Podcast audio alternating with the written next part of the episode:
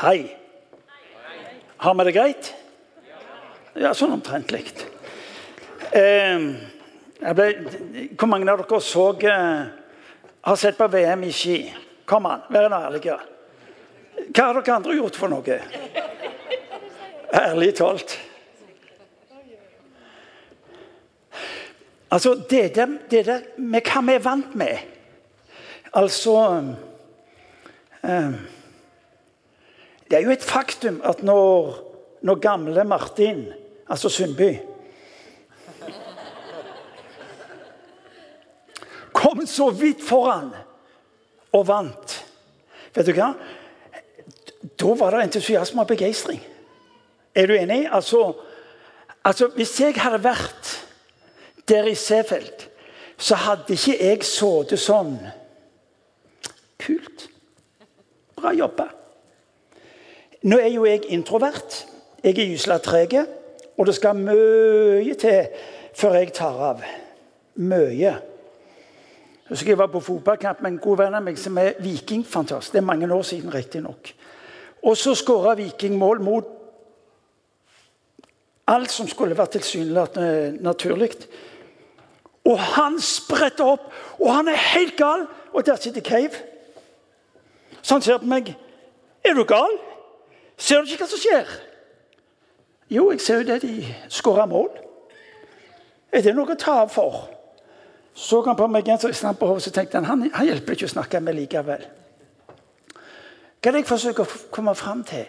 Det interessante er at når Gud gir oss ordet halleluja, så er det et sånn et entusiasmerop. Det er ikke sånn halleluja. Ja, ja, halleluja. Vet du hva ordet betyr? Ordet betyr Gud være lovet. Gud være lovet. Jeg er enig. Litt sånn type fleiping. Litt sånn harselering og litt sånn, men det har han bare godt av.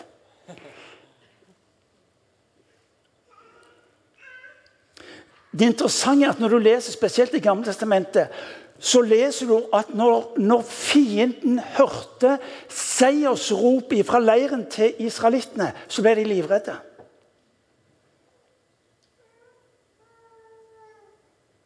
Vi har en tradisjon på det lavmælte. Hvor har vi det ifra? Ikke vet jeg.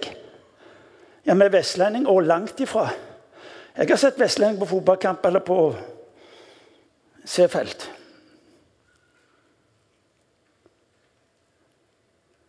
Er du med meg? Hvorfor blir dette viktig? Hvorfor gir Gud oss ord som er type entusiasmo? Fordi at det jeg synger, det jeg uttrykker også med kroppen, det gjør noe med sjela mi. Det gjør noe med ånda mi. Det gjør noe med meg.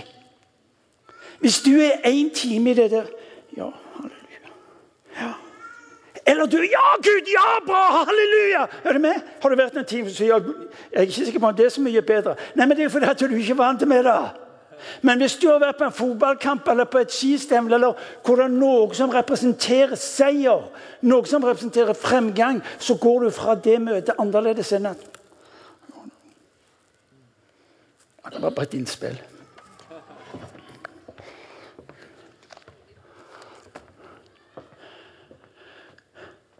Er, er du med meg? Har du hørt om den kristelige hesten? Nei, dette er innsikt. Dette er litt sånn type, men, men jeg, jeg, har ikke talt på lenge, så litt kan må dere få. Ja, Jenta kom hjem til mor og så sa mor, jeg sett en kristelig hest. Hva da? Jo, han hang med hodet. Å, så banalt! Ja, ja. Nå kom jeg til det som er virkelig stoff. så nå kan jeg tenke, ja, Da kan du egentlig bare gå inn med det oppover.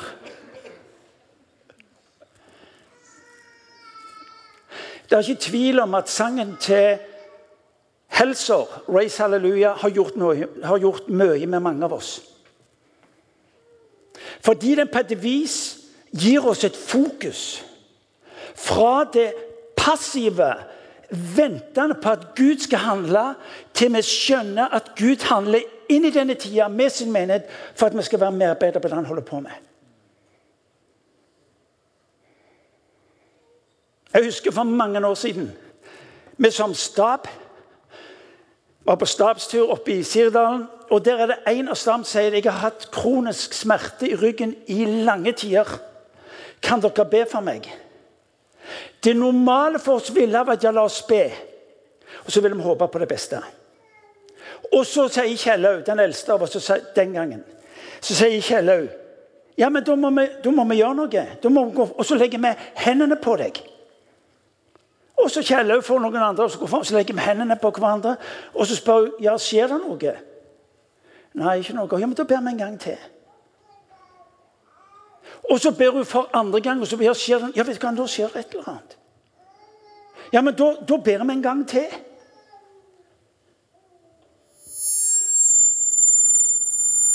Jeg vil si, Det er ikke min skyld. Og så skjer det der oppe i hytta i Sirdalen. Hvor Kjellaug demonstrerer hva det vil si å være medarbeider på det Gud holder på med, og ikke bare overlate alt til han. Han har ikke overlatt alt til deg og meg, nei, til seg sjøl. Han har sagt du skal være med på det jeg gjør. Og så skjer det med denne dama som står der, og så, og så spør Kjellaug for tredje gang hva skjer nå. Og så vet du hva? Nå nå er smerten helt vekke. Og dama var smertefri fra den dagen av til noe litt lenger ned på veien år seinere. Hør nå. Du og meg inviteres til å være med på det som Gud gjør. Og Jeg skal lese en tekst i dere i dag som er helt tilbake i Gamletestamentet, om Josva. Hvor Josva og hans folk skal innta det lovede land. Men det er ikke slik at når Gud inviterer deg og meg til å bli en del av det han holder på med, så er det sånn Det er firefelts motorvei, det er medvind, det er sol, og alt er bare bra. Når Gud tar deg og meg inn i det han holder på med, noe av det første vi møter, er det hindringene. Det hender at jeg hører folk si ja, var, Gud ga seg åpen dør. Ja, ja, til tider er det åpne dører. De fleste tilfellene jeg har opplevd, er det stengte dører eller vanskelige dører eller vanskelige situasjoner. Men i den teksten som du leser om i Josva, så leser du bl.a. om Rahab, som bor i denne byen, som Israelsfolket skal innta. Og så står det om Rahab. Hun er prostituert. Hun er plassert. Og så står det om det. Vi har hørt om de gjerningene som Gud har gjort mellom dere ved deres liv. Og så er det noe som tar henne og byen, byen med frykt. Du og meg er ikke kalt til å skape frykt i våre omgivelser, men du og meg er kalt til å se omgivelsene våre og våge å tro på en Gud som de har sett, har handla inn i deres liv. Er du med meg? Dønner, hvorfor i all verden, hvorfor skulle folk i Norge tro på Gud? Gi meg en god grunn. Jo, frelse. Jeg er enig i det. Men ved å se på ditt liv, denne menighetens liv, de andre menighetens liv Hvorfor i all verden skulle de bare tro på våre ord? Hvis Gud har stilt til rådighet en himmel full av uttrykk for hvem han er, og hvem han vil være inn i denne verden. Og Det er noe av det som vi skal se på nå i formiddag. Jeg syns det er så fascinerende å få lov til å være med på det Jesus gjør i vår tid hvor hans utgangspunkt ikke er det såkalt vellykka eller det som fungerer, men på de som vil gå med ham. Det første Jesus tar utgangspunkt når det gjelder ditt i mitt liv, det er ikke om du har tro, men følg meg. Vi har gjort tro inn i en vestlig kultur til en såkalt intellektuell greie.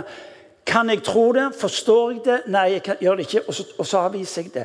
Tro inn i en jødisk Kontekst betyr troen sitter i beina. Troen er noe som jeg blir en del av. Ja, jeg tror ja, Hva vil det si? Jo, jeg holder for sant. Ja, men det er ikke tro. Satan tror òg. Den fremste teologen er Satan. Han er ekspert på Bibelen. Han kan altså stå der. Han tror på det som står, for han vet hvem Gud er. Troen sitter i beina, folkens. Troen er det som tar meg inn i et etterfølgelse av Han. Og det er det vi skal snakke om denne formiddagen. Er det et greit utgangspunkt? Kan ikke slutte nå.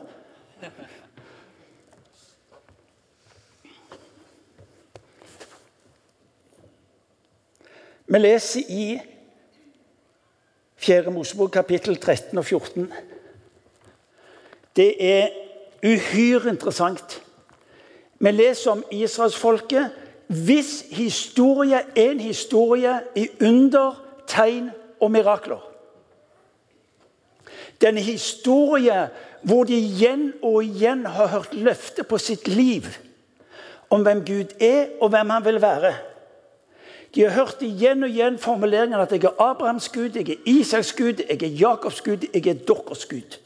Og som jeg var for Abraham, Isak og Jakob, vil jeg være for dere. Det var et løfte på dette folket som var helt unikt, helt spesielt. Og så er de i den situasjonen hvor Gud har ført dem ut av Egypten for å ta dem inn i det lovede land, dette landløftet som han ga til Abraham. Og når de så ser inn i det lovede land, så sier Gud dette er det landet jeg har for dere. Dette er det jeg har eh, lovt dere gjennom generasjoner. Dette er det landet som flyter over av melk og honning. Dette er det jeg har for dere. Jeg vet ikke hva du tenker. Hvis du hadde stått der sammen med disse troll som skulle gå inn og skulle finne ut hvordan dette landet så ut, om det stemte, om det var slik. Du og meg ville vel tenkt det måtte være fascinerende å være der. Og Så sender de da inn disse såkalte tolvhøvdingene. De kom tilbake igjen etter 40 dager. Og så forteller de dette landet er akkurat sånn som Gud har sagt og lovt oss gjennom generasjoner. Det er akkurat sånn som han har sagt. Hør nå, Gud lyver ikke. Gud overdriver ikke. Gud tar deg inn i det som ligger på hans hjerte. Og det er langt større enn det du og meg har fantasi om hva det kan være og hva det kan bli. Men da lyder et ord i denne teksten når du og meg leser i kapittel 14 i, i andre Mosebok, nei, fjerde Mosebok, kapittel 14, så, le, så, lyder det et ord. Og dette ordet må du få med deg, for det er Jeg kunne nesten på å si Det er et forbannelsens ord.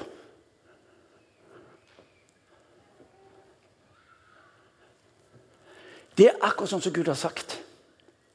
De gjenkjenner løftene. De gjenkjenner det de har hørt gjennom hele sitt liv gjennom generasjoner. Og så er de inni der for å smake på det, ta på det, erfare det. Og så lyder det et ord. Hør nå, folkens, dette ordet må du få tak i. Det ordet 'menn'. Ja, det er sant, det som står i Bibelen. Men. Ja, det er riktig at Guds løfter er talt over oss. Men. Men er et forbannelsens ord. Og det har krøpet inn i mange av oss. Ja, det er sant det Bibelen sier. Om ulike ting, om ulike forhold, om hvem han vil være og hva han vil gjøre. Men Men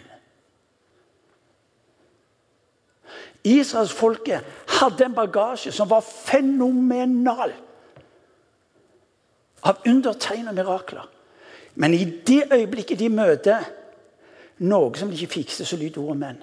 Vet du hva? I det øyeblikket du tar ordet 'menn' i, i din munn, så må du ta timeout så må du si 'jeg vil ikke ha det'. Viske det ut. For i det øyeblikket du og meg begynner å anvende ordet 'menn', så begynner vi å viske ut Guds løfter. Det er alvoret. I det øyeblikket du og meg ser på omstendighetene og sier 'men', så begynner vi å viske ut Guds løfter.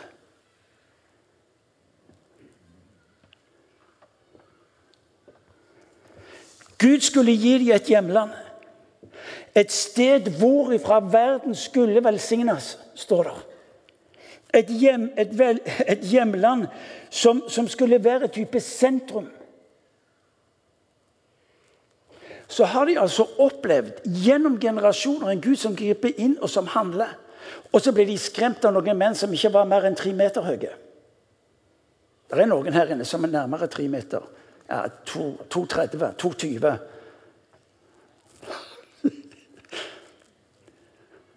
Tenk å ha de med på volleyballaget. De trenger ikke å hoppe engang. Tenk når de skal blokkere. De står bare sånn. Tre av de, og du har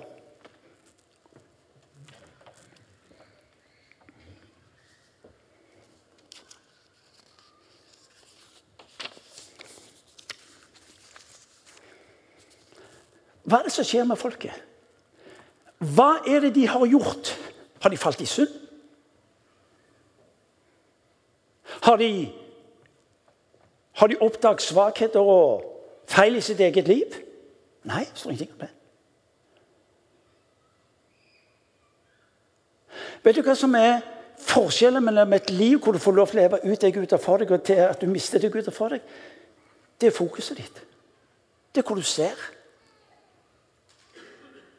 De hadde en bagasje som var fenomenal, og som skulle gi dem alt det de trengte for å gå framover. Men i det øyeblikket de flytter fokuset fra Gud den allmektige til problemene, til motstanden, til folk i landet, så er de fullstendig hjelpeløse.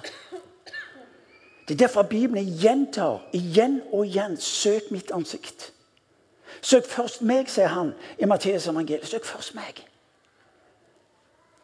Og er det noe jeg tror vi trenger i dag, både du og jeg, så er det å hjelpe hverandre til nettopp å ha fokus på Han. Det er derfor gudstjenesten er så viktige. Det er derfor huskirken er så viktig. Det er derfor det livet vi får lov til å ha sammen, er så viktig. Fordi vi stadig vekk glipper. Vet du hva? Ditt og mitt problem er ikke, far, uh, utfordring ikke primært synd. Ja, det òg. Men det er ikke primærproblemet vårt. Svakhet. Nederlag. Det at vi flytter fokuset fra han og til omstendighetene. Det var det, det, var det disse ti gjorde. Og så sa de, vet du hva? Vi, vi er fortapte. Vi har ingenting å gå på. Vi har ingen muligheter mot dette folket. Og så skjer det som skjer med oss, at når vi mister motet, hva skjer med oss? Det er akkurat som en sånn type lovmessighet at vi glir tilbake til det gamle. Vi vil tilbake til Egypten. Vi vil tilbake til det vi hadde der.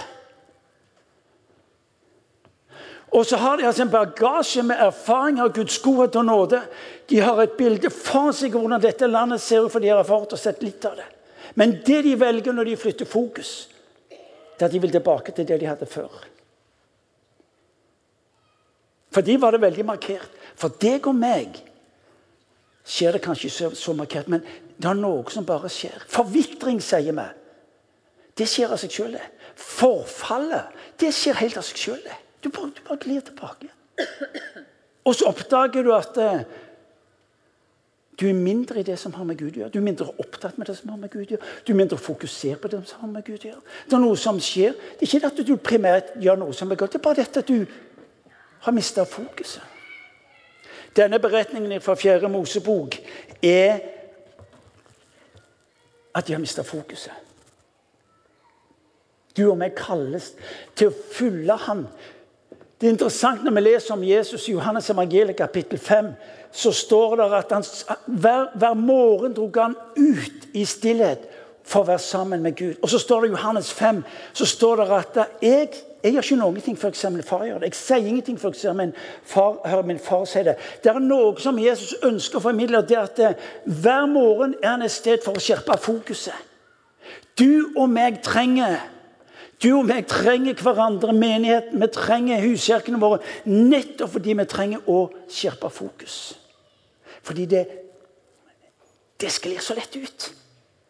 Jeg vet det fra mitt eget liv. Hvor lett det skjer. Så er ikke gudstjenesten bare et sted jeg slutter å hoppe med. Nei, gudstjenesten er et sted hvor jeg du, du må skjerpe synet mitt. Du må gjøre noe med slik at jeg ser som du ser, og handler som du handler. Og, og, Jesus snakker som du snakker.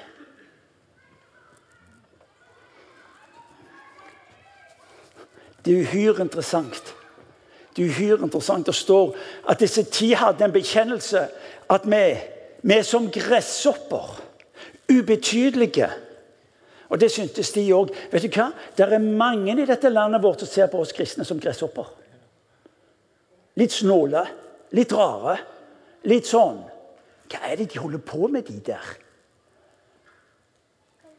Men det var to stykker det var to stykker som handla annerledes. Det var Josva og Caleb. Det er interessant å lese om Josva i 2. Mosebok kapittel 33. Det står at han holdt seg ved teltet. Ved, ved, åpenbaringsteltet. Og der i møte med denne vanskelige situasjonen så leser man hvordan, hvordan eh, disse to har en annen røst. De har sett det samme. Det er ikke slik at de fornekter det de andre ti har sagt. Vi så det Gud har lovt oss. Vi så kjempene. Men De har òg et men. Hvis Gud har god vilje for oss, så lar han oss vinne. Hvis Gud har god vilje for oss, så lar han oss seire. Og så sier han, og det syns jeg er fascinerende Og disse folka som er så svære, de er som brødbiter. Vi ser på verden rundt oss, og frykt styrer mye av oss. Men hva med snudde blikket og sa De ja, er akkurat som brødbiter. Nei, nei, vi liker ikke det bildet. ok? Ikke hekt deg opp i bildet nå. Men få tak i poenget. Det betyr at med en Gud så er jo plutselig alt mulig. For det er jo det Josfa Caleb sier. Men hvis ditt bilde av deg sjøl at vi er på defensiven som kristne, vi taper terreng, vi opplever å være en del av en kirke som kanskje blir mer og mer umulig å komme til rette med, eller vi har et samfunn som blir mer osv., osv., med eksperter på de der regnestykkene Ja, Da blir vi små. Da blir vi små. Men hvis det er en sannhet at Gud er den samme i dag som han var i går, vet du hva? Da er de som brødbiter. Jeg sier ikke at du skal se på de rundt deg som brødbiter. det er ikke det jeg sier, Men du får tak i poenget mitt. Nikk hvis du forstår meg. Ja, dere som ikke nikker, er litt usikre. Ja. Joshua Caleb. Vet du hva som er tragisk i den situasjonen? Det Gud hadde for de mista de. Det Gud hadde for de mista de. Det er det store alvoret. Det var ikke at de var svake, feilende, at de hadde synda mye. Det var bare det at de skifta fokus og var styrt av frykt. Så mista de det. Vet du hva? Når jeg forberedte så, så, så tok det av meg. Det er ikke slik at Gud er god. Jo, han er alltid god. Men det innebærer ikke at du kan miste det han vil velsigne livet ditt med. Det er et faktum at du kan miste det. Det Gud har for ditt liv, at du kan miste det. Dønn ærlig. Du leser det igjen og igjen i teksten i Bibelen om et folk som skifta fokus. De mista det Gud hadde for dem. Det interessante er hva vil det si å være en Jesus-tilfølger? Hva vil det si å være en kristen? Det lar seg omfavne av Gud. Så de kan se hvem han er, og ha et fokus som bringer livet.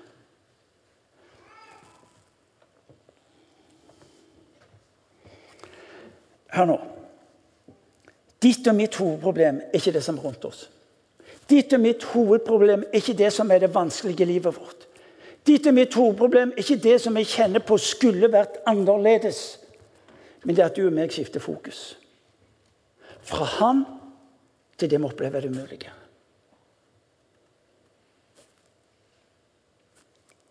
Ja. Ja.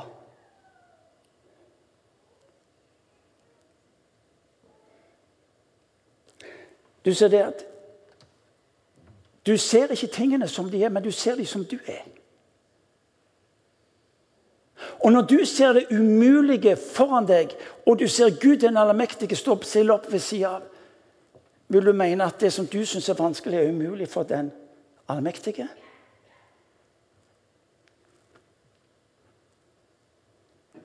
Svaret er sannsynligvis nei. La oss gå videre. Et folk som glemmer Guds løfter, vil alltid søke trygghet i alternativene. Et folk som glemmer det ord han har på våre liv, vil alltid søke i omstendighetene og omgivelsene for det som kan berge for et liv som. Jeg husker Jeg møtte en prest for en del år tilbake, og han sa Martin, jeg har kommet til det punktet i mitt liv at nå er målet mitt bare å gjennomføre. Du er ikke kalt til å gjennomføre. Du er kalt til å være med på det som Gud gjør. På tross av det du tenker at dette skulle vært annerledes.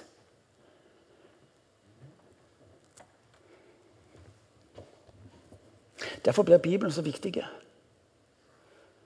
Derfor blir Bibelen og forkynnelsen og undervisning er så viktig, fordi den, den løfter opp for meg Guds løfter, hvem han vil være, hvem jeg er. For at du og meg skal våge å gå med han inn i det som er umulig.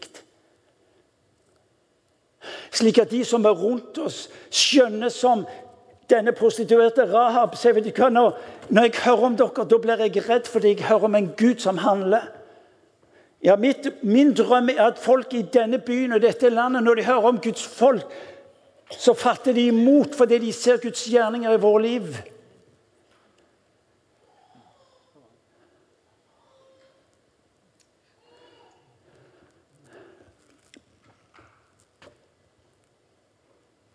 Men Gud er trofast.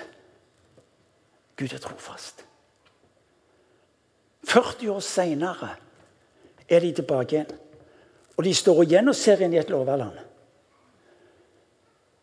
40 år seinere. Men det hadde vært en pris. Det var noe de hadde mista. Men Gud gir aldri opp det han har begynt på i ditt og mitt liv. Men vi kan miste ting underveis fordi at vi er vantro. Vantro. Valgte en annen vei.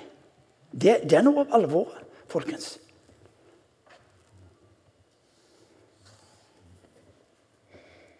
Når de står der etter 40 år, så er jo ikke problemet blitt mindre. Før var det jo noen som var tre meter høye, noen mennesker, noen menn. Nå er det jo en by som har murer. Du ser murene. Eh, det er forsøk på igjen eh, å, å, male ut det som geologene mener slik må det ha sett ut. Det var ikke et gjerde som du kunne hoppe over med litt ekstra fart. Men hør nå. Det har skjedd noe med folket. Nå er det et lydig folk. Nå, nå hører de hva Josva sier, og så gjør de etter det. Det er interessant det står at de hørte hva Josva sa, og handla på det. Et lydig folk. Vet du hva? Av og til snakker vi om tro, om, om tro. Stor tro, liten tro, jeg vet ikke tro. Bibelen er egentlig ikke så fryktelig opptatt med tro. Vi er veldig mye opptatt med lydighet. Tro er lik lydighet. Ja, Hva vil det si å være en kristen? Være lydig mot ordet. Hva vil det være en kristen? Jo, det vil si å følge Jesus. Gå med han. Forstår du alt? Nei. Men jeg er lydig. Martin, forstår du alt? Nei, jeg gjør ikke det. Men jeg har valgt å være lydig mot det som jeg leser og handle på det.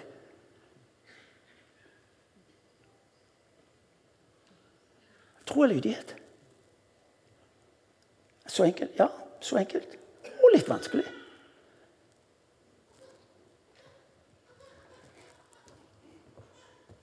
Et lydig folk. Et lydig folk mot Gud. Og Så står det noe uhyre interessant. Nå har vi kommet over i, i Josva i kapittel eh, Skal vi se I kapittel 5. Der står de. Og så er Josva litt på tur. Han går litt for seg sjøl. Han ber sikkert. Og, og, litt sånn spørrende. Hva skal vi gjøre? Og, helt naturlig, det. Han vet jo ikke så mye egentlig. Og Mens han er der, så kommer det en til han.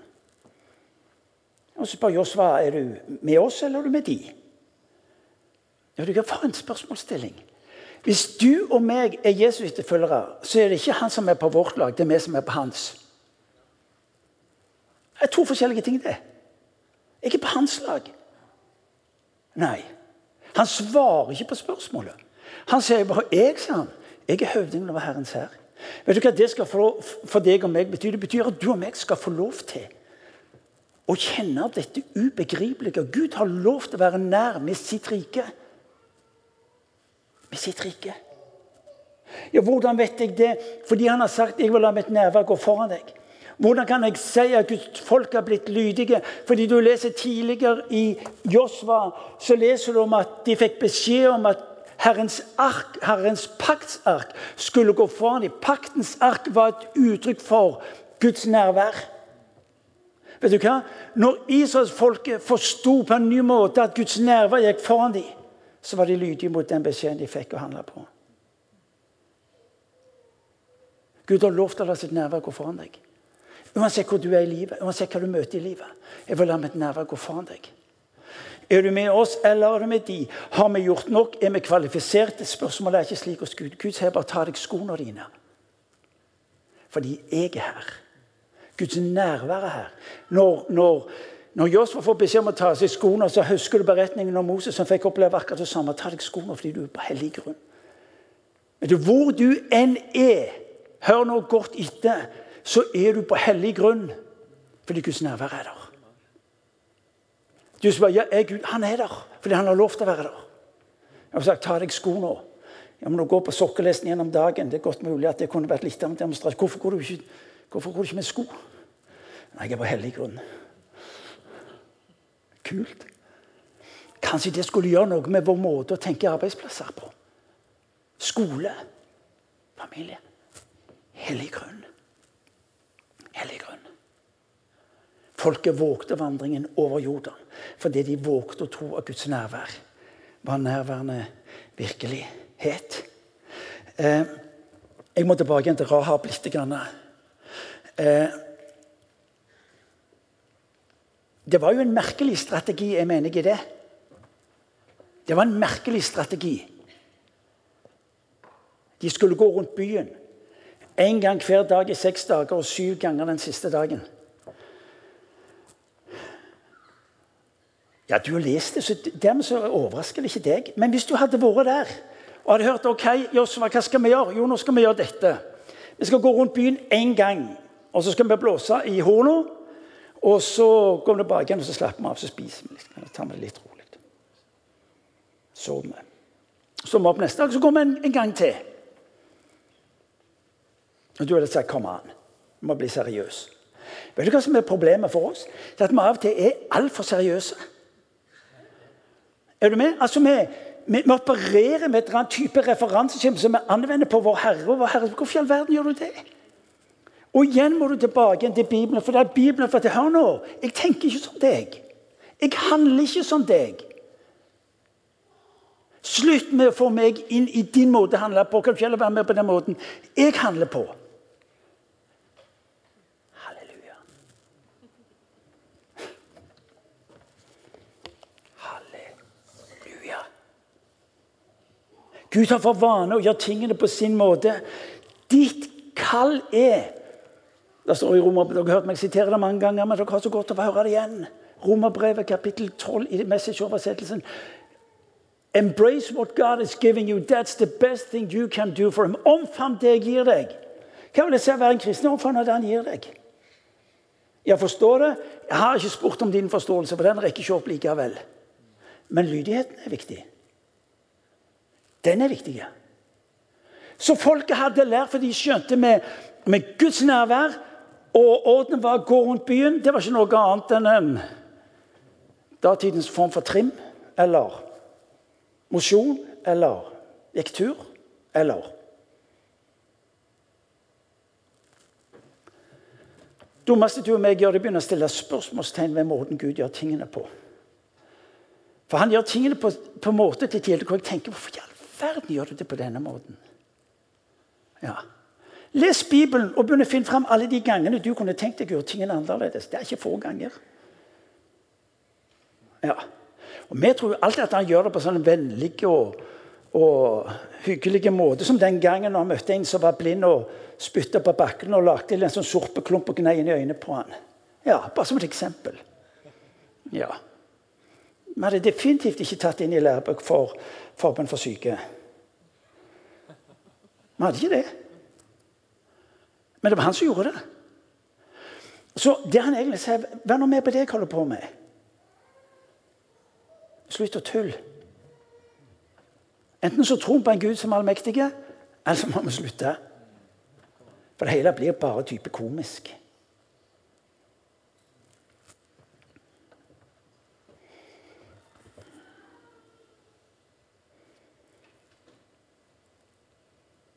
Det er interessant. De får beskjed om Alt folket får beskjed om. Ikke ett ord når man skal gå rundt byen. Dere holder på godt norsk hold kjeft. Sier ikke sånn i kirka, men for at du skal få tak i alvoret i det. Det er det han sier til dem. Ikke et ord. Ja, Hvorfor skulle de ikke si noe? Og det er mange grunner for det. Hvis du går tilbake til den første teksten fra 4. Mosebok, så står det at når disse ti kom tilbake, så begynte de å fortelle om alt som var umulig. Det er alltid noen som vil fortelle hvor umulig det er. Ethvert miljø har de som vil fortelle hvor umulig det er. Så Josva sa ikke et ord.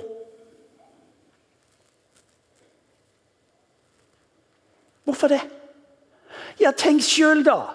Hvis du var den som skulle være en del av dette folket, hadde gått rundt denne byen, så hva, hva var det du gjorde? Du så på muren for å se om det var noe som skjedde med muren. ikke sant vel? Har det skjedd noe? Det, det, begynner den å bli skeiv? Ikke sant vel? Nei vel, ok, vi må gå en dag til. Så går du andre dagen igjen, så går du, hva er det du gjør for noe? Ser etter om det skjer noe. Han har ikke bedt dem om å se etter om det skjer noe, han har bedt dem om å gå. Du og meg kalles til å handle på det han taler inn i våre liv. Når det står én gang hver dag, syv ganger den siste dagen, så er ikke poenget antall dager, men poenget er mange dager. Tilstrekkelig med dager. De dagene du trenger for å bli en del av det Gud gjør. Så ikke begynn å regne.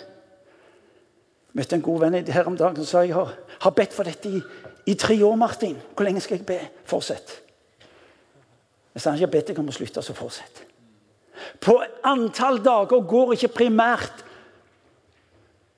på hvor mange dager du skal forholde deg til et problem ditt, en utfordring i ditt liv. Det interessante er få tak i dette, det interessante er at når, når, når israelittene gikk der, rundt denne byen, så får de et de får de får et forhold til muren. De får et nærvær til situasjonen. Det er ikke sånn type avstandsforhold. De surrer og går rundt denne situasjonen dag etter dag. Det er en påminnelse til deg og meg når du og meg møter situasjoner hvor vi skulle ønske vi kunne trekke oss tilbake og si Gud, nå må du gjøre noe. Og Gud sier jeg vil gjøre noe, men jeg vil gjøre det gjennom deg. Fortsett å gå. Og bli ikke trøtt. Da står det 'fortsett å bli ikke trøtt'. Fortsett å bli ikke trøtt. Det er så viktig for oss å få tak i.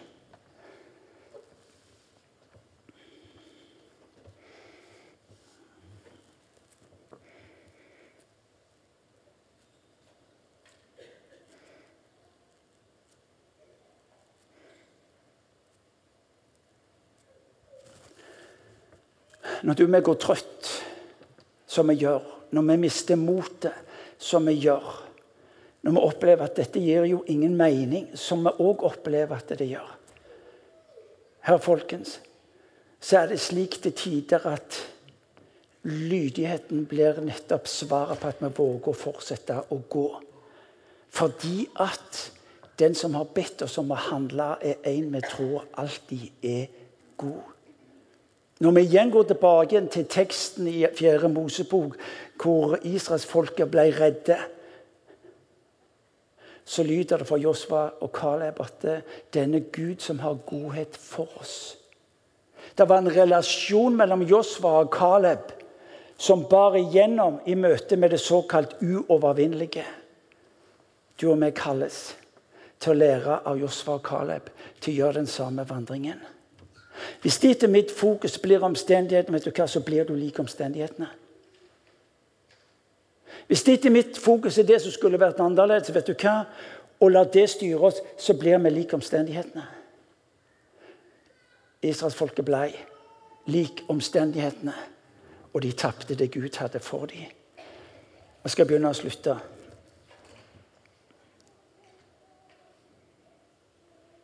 Hvilke byer og hva slags type festningsverk er det du møter i ditt liv? For alle gjør vi det. Alle møter med vanskeligheter, alle møter med utfordringer. Det kan være på så mange områder som i familie, arbeid, skole, eget liv, ting vi strever med. Hvilke festningsverk er det i ditt liv? Vi ber Gud om å ordne opp mens han sier 'begynn å gå'. Vi ber Han om at han skal sende oss sin kraft, og han ber oss om å motta hans kraft for å handle på det.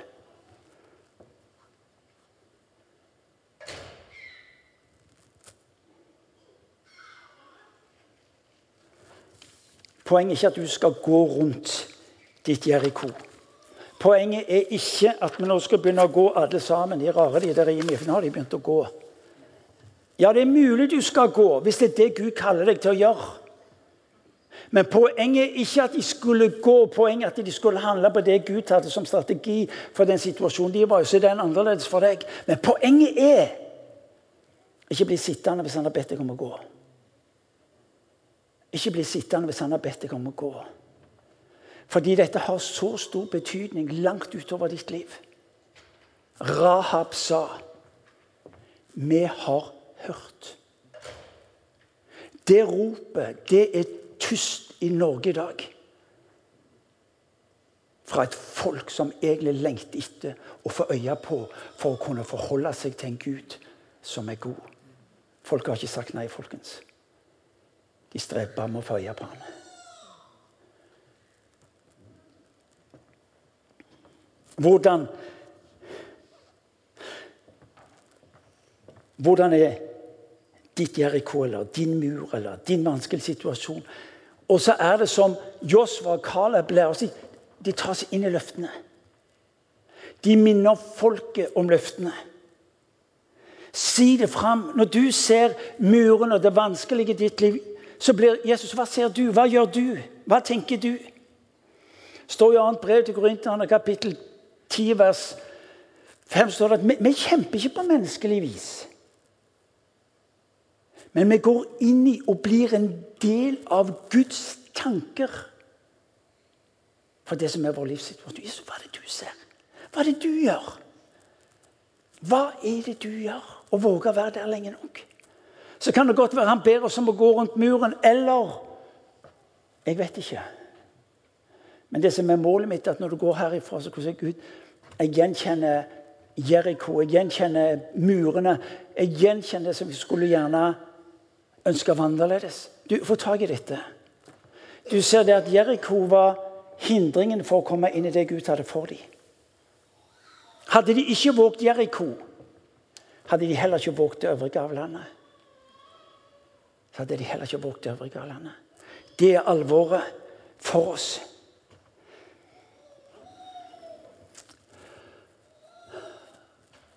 Race Hallelujah. Jeg er nødt til å si noe om den sangen.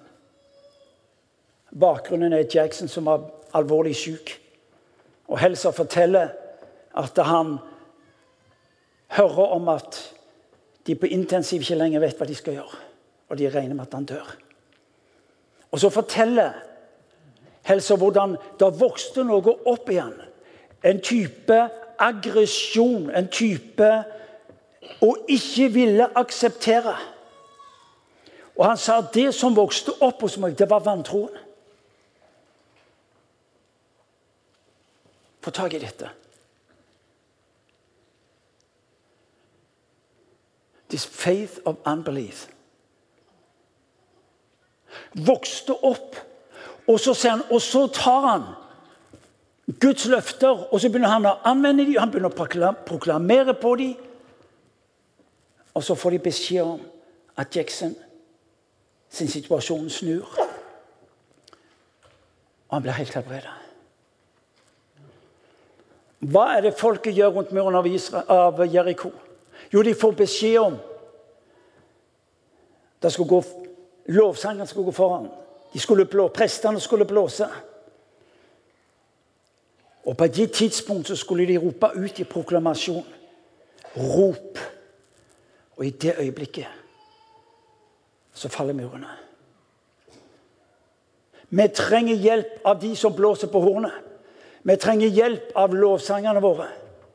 Men det er godt mulig at vi også trenger også en type sanger som hjelper oss, nettopp som Raise Halleluja, til å ta et oppgjør med vantroen. er et profetisk uttrykk for at jeg aksepterer det ikke. Jeg aksepterer det ikke. Og så er min bønn at det skal få lov til å ta oss på en sånn måte at når vi møter Jeriko i våre liv, når vi møter Jeriko i situasjoner, så er det slik jeg aksepterer det ikke. Jeg aksepterer det ikke. I de vanskelige situasjonene Jeg aksepterer det ikke. Gud, hva er det du gjør i denne situasjonen? I møte med motsetninger mellom mennesker. Jeg aksepterer det ikke. Og så, og så er det Guds ord, Guds løfter. I møte med så jeg aksepterer det ikke.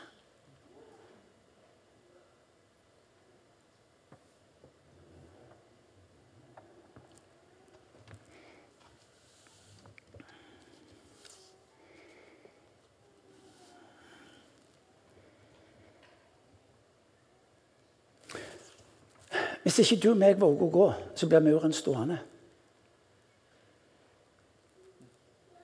Folkens, det er alvoret. Hvis ikke du og meg våger å gå i møte med de ulike former for hjelp, så blir muren stående. Det er alvoret. Du og meg er kalt til å være til velsignelse ved at vi bl.a. ser at murer i menneskers liv også faller. Fordi vi vågte et halleluja. Gud, halleluja betyr Gud være lovet. Han har gitt deg autoritet. Vi har gitt all makt i himmelen på jord. Jeg gir han til dere. Gå derfor ut. Mot alle odds. For å lære at Gud er vårt utgangspunkt, og ikke dine omstendigheter. Gå utenom, sa bøygen. Nei. Søk først Guds rike, sier Jesus. Du skal få alt det du trenger. Ikke se på klokka, ikke se på kalenderen, men følg Han. Skal vi reise oss?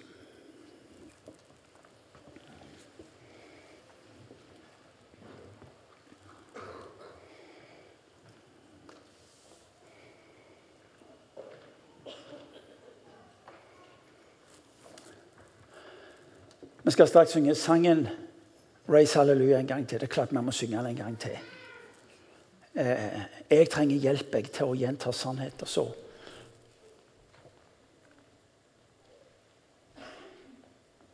Kanskje syns du det er litt for enkelt å snakke om hva som er mitt Jeriko eller min mur. Mulig det. For meg er det hjelp til sånn. Bli en type bilde, en type tenkning.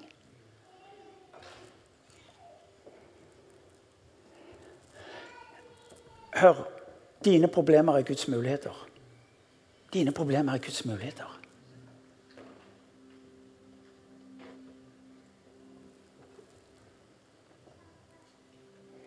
Kanskje overveldes du. Kanskje tenker du at jeg, jeg klarer det ikke. Ja, Da er det jo godt du er her.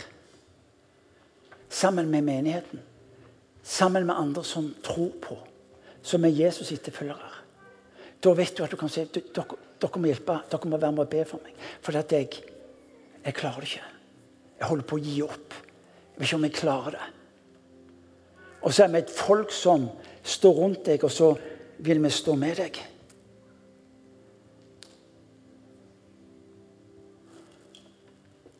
Vi har så mange vitnesbyrd og hvor folk vågte å dele det som var deres Jeriko, deres vanskeligheter. Og så fikk vi lov til å be sammen for å se det skjedde en forandring. Eller det skjedde helbredelse. Eller vi så at nytt mot hadde fått lov til å flytte inn i det håpløse. Så la oss, la oss be. Kjære Herre Jesus Kristus.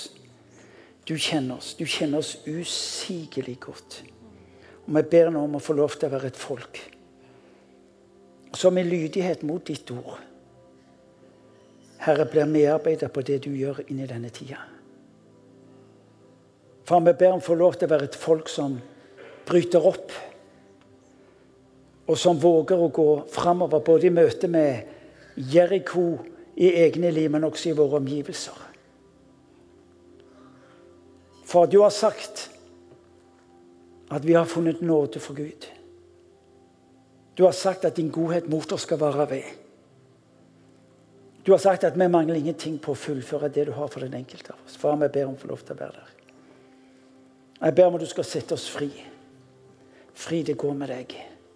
Bli en del av det du gjør i denne verden.